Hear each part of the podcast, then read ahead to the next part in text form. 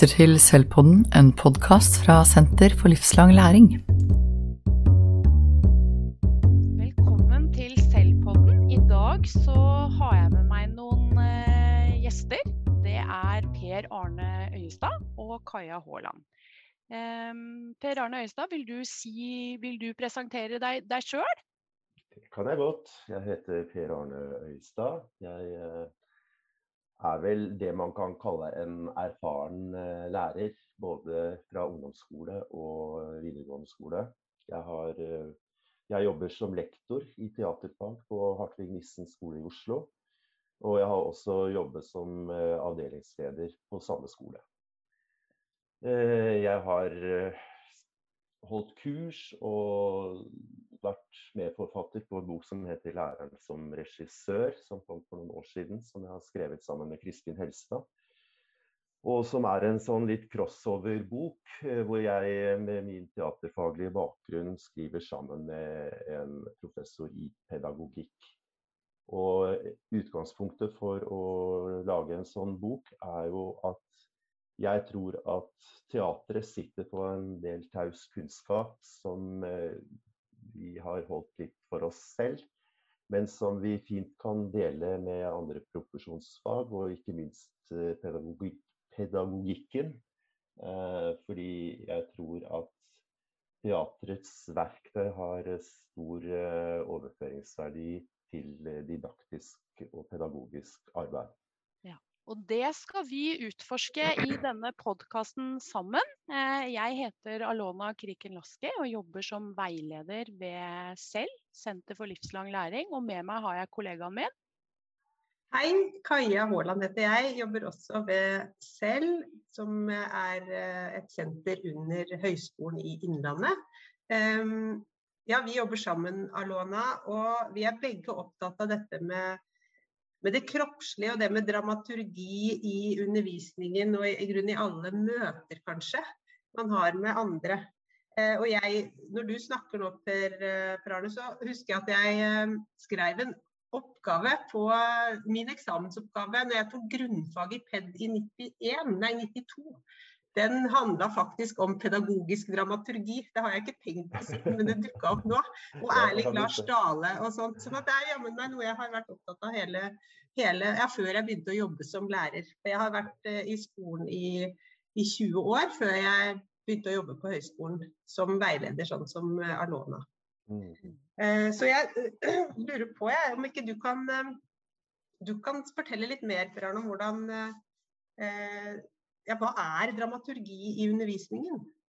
Og hvordan kan dette liksom være et verktøy? Jeg har en uh, definisjon på hva dramaturgi betyr. Uh, fordi når jeg skulle skrive om det her i den uh, læreboka, så, så fant jeg ut at drama det betyr handling, og urgi det betyr virksom. Og da syns jeg det var så besnærende å tenke på dramaturgi som virksomme handlinger som fører til læring.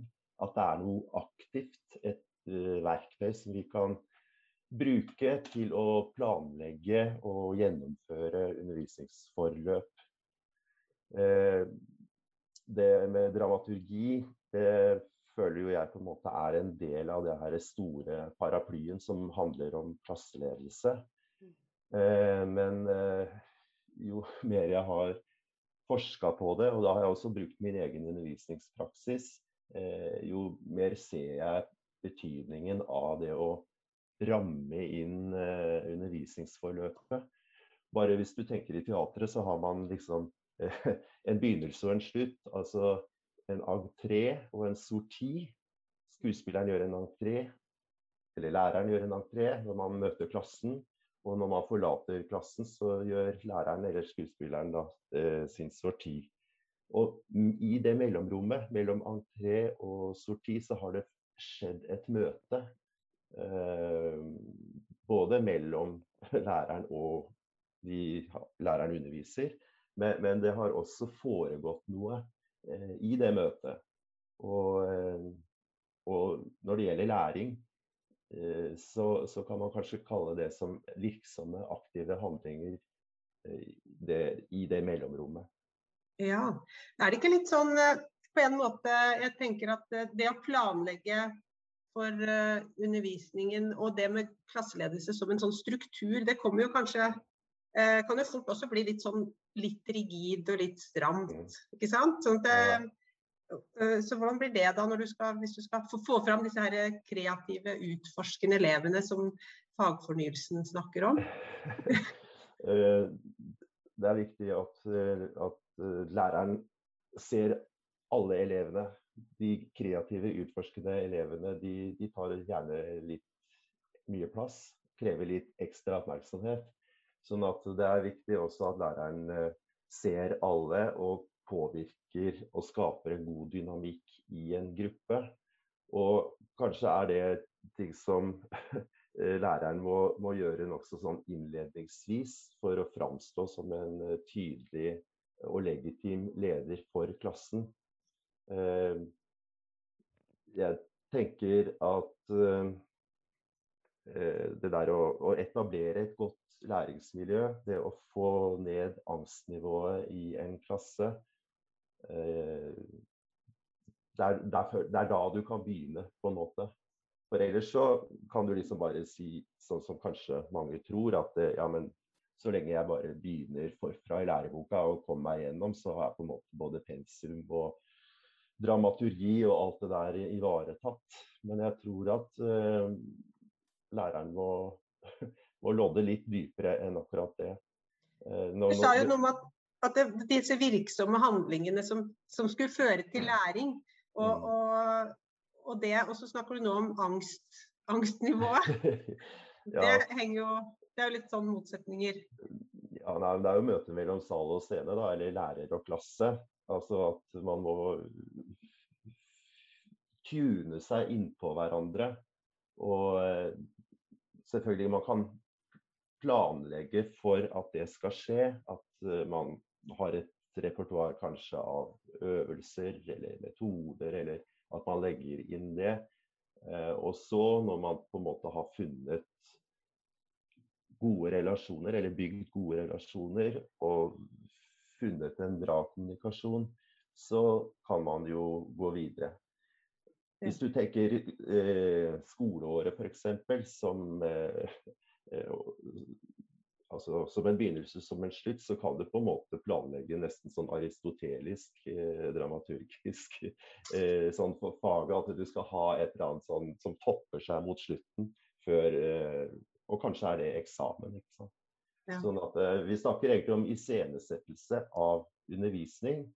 Og eh, når man kommer dit hvor vi, vi skal iscenesette undervisningen, så, så finnes det jo eh, et vell av dramaturgiske modeller man kan lene seg til og plukke fra. Eh, man kan bruke episk dramaturgi, man bruker simultandramaturgi. Og, og der er det ganske interessant å se hva man kan plukke inn i de ulike fagene og, og, i forhold til årsplaner. Og selvfølgelig læreplaner, målene. Ja. Per Arne, kunne du, kunne du, nå nevnte du jo mange spennende ting, Per Arne. Kunne du sagt litt sånn, sånn, sånn konkret, da? Altså nå er det, Hvis man skulle starte skoleåret og tenke dramaturgi. Du snakker jo bl.a. om læreren som ensembleleder i den boka. Hvordan skal læreren gå fram sånn, sånn konkret? da? Har du noen tips? Eh, altså jeg tror jo at uh, klasseledelse handler om uh, relasjonsbygging til elevene. Mm. Og det tror jeg alle lærere har kjent på at man kan ha klasser hvor man, hvor man har, kan ha en kjempegod eh, kjemi med klassen. Og man liksom bare alt går eh, eh, på skinner. Men så kan man også kjenne de klassene der, det, der ting butter, hvor det er utfordringer knytta til elever f.eks.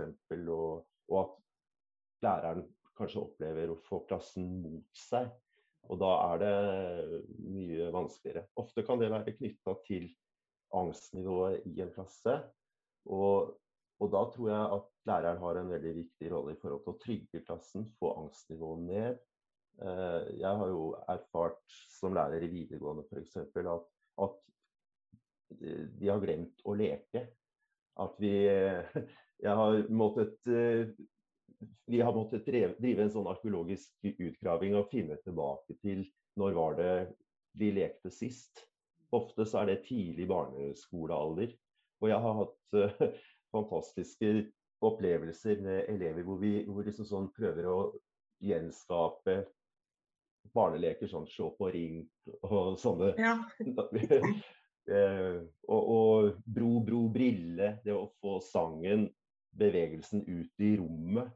Eh, jeg har hatt klasser vi, altså, så, vi lagde en ekstremt voldelig versjon av eh, Bro, bro, brille. altså sånn Det å forsere, det å unngå å komme i den sorte gryte.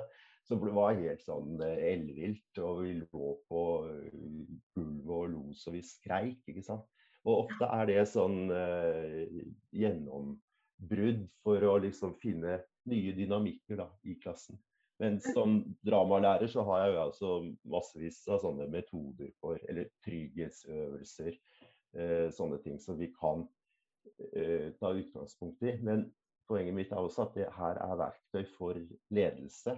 Sånn at eh, det er ikke bare det å sette seg ned i sommerferien og planlegge hele skoleåret og tenke at nå kan jeg bruke dramaturgien til den og den. Men jeg tror altså som lærer så må vi være utøvende. altså Vi må være klinikere. Eh, vi må se hva er det for slags opplegg, hva er det for slags dramaturgiske verktøy jeg kan bruke inn mot den gruppa eller den gruppa. Altså, og, og, og tenke også på individ og veldig sånn individuelt nivå.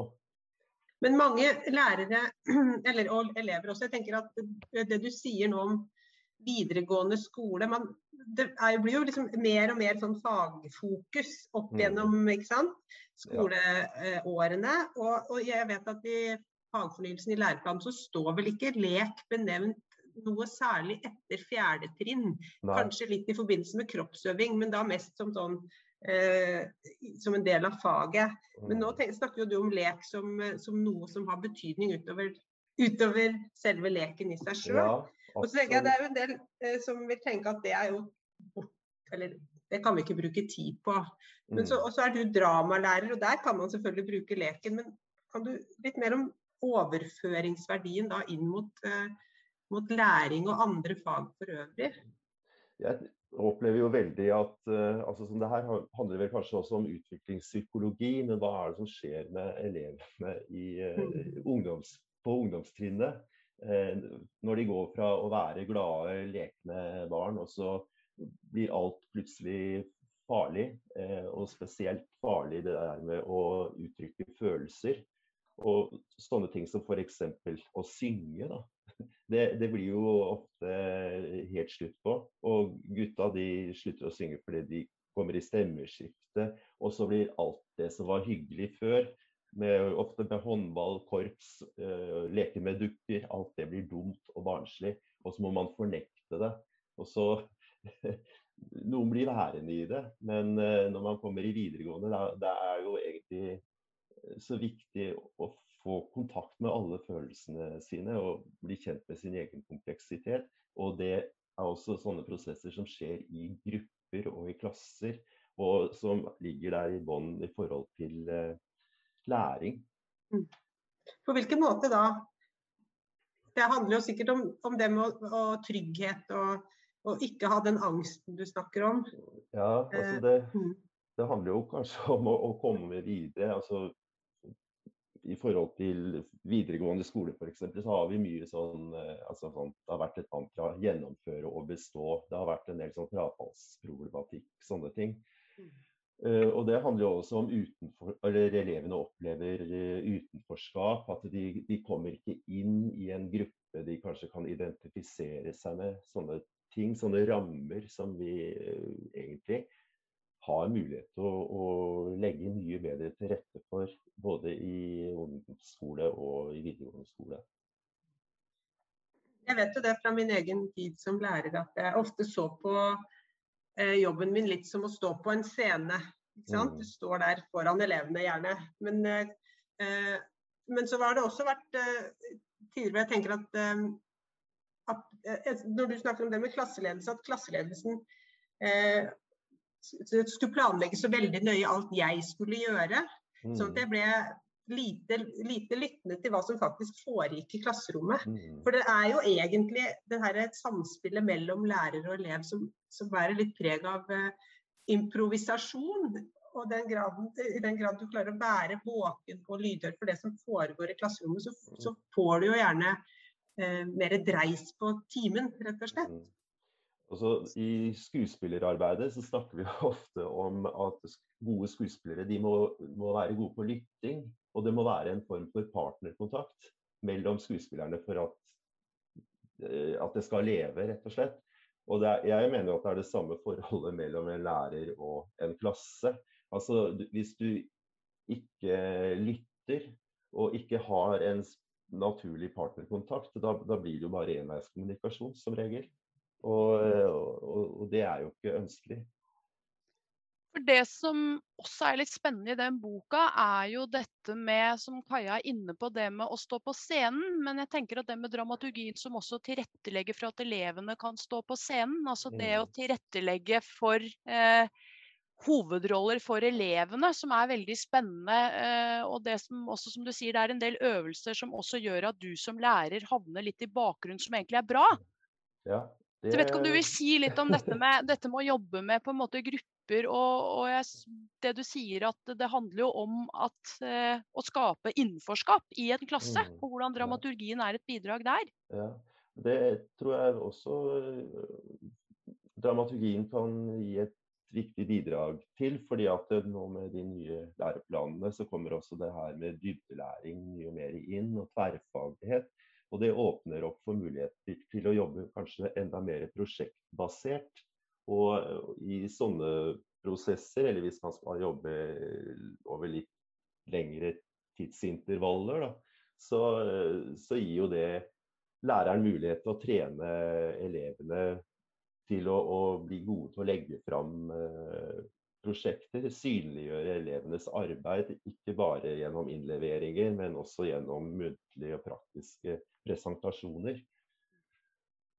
Så eh, nei, jeg tror at eh, det å tenke dramaturgi inn i det didaktiske arbeidet, det, det kommer til å komme som ei kule nå. Fordi vi trenger de her nye verktøyene for å eh, gjennomføre læreplanene på en mm. eh, ny måte. Mm. mm. Jeg tenker også at fagfornyelsen Eh, utfordrer oss på det området. Mm. Eh, nettopp pga. den eh, elev... Ikke, det er feil å si elevtypen, men, men jeg sier det likevel. De er kreative, utforskende, nysgjerrige elevene. Det... Men, men, det syns jeg skal være et mål. At, mm. at, vi skal få elevene dit. At de skal, bli kreative og nysgjerrige og utforskende. For det er jo det vi ønsker. Det er jo det som på en måte er driven i at elevene skal tilegne seg læring. Men eh, læreplaner det, de refererer ofte til en sånn ideell virkelighet.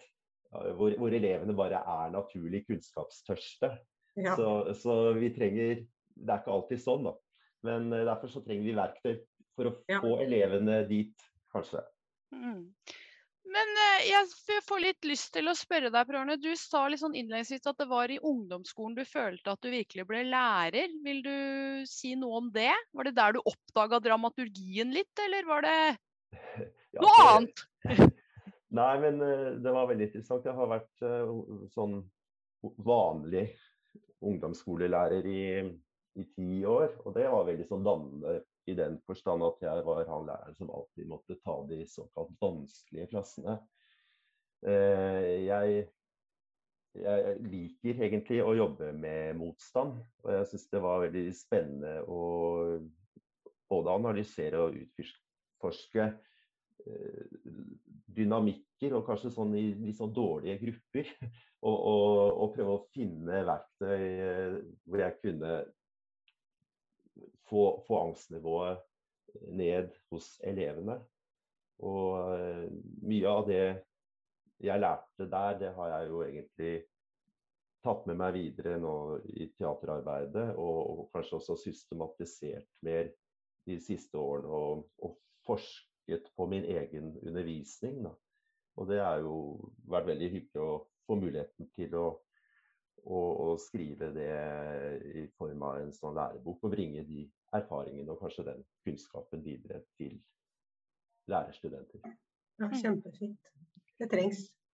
Ja, og spørre deg litt om det, for at Boka til, til Kristin og deg kom jo i ny utgave. Eh, det er jo en liten stund siden den boka kom. Er det noe, noe nytt som kommer i den boka?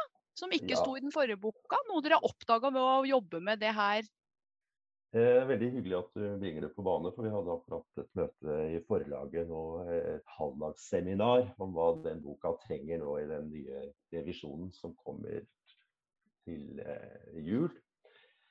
Og eh, eh pedagogisk eh, litteratur er jo ferskvare, så det er jo noe vi føler selv at det liksom, sånn, dette var veldig relevant for eh, to-tre år siden, men som kanskje ikke føles like aktuelt ut.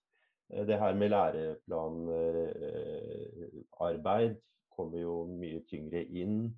Eh, det her med tverrfaglighet som skal inn i alle fag, må vi jo ta grep om. Men jeg kommer også til å gå videre og skrive om dramaturgi som eh, verktøy for planlegging av undervisning.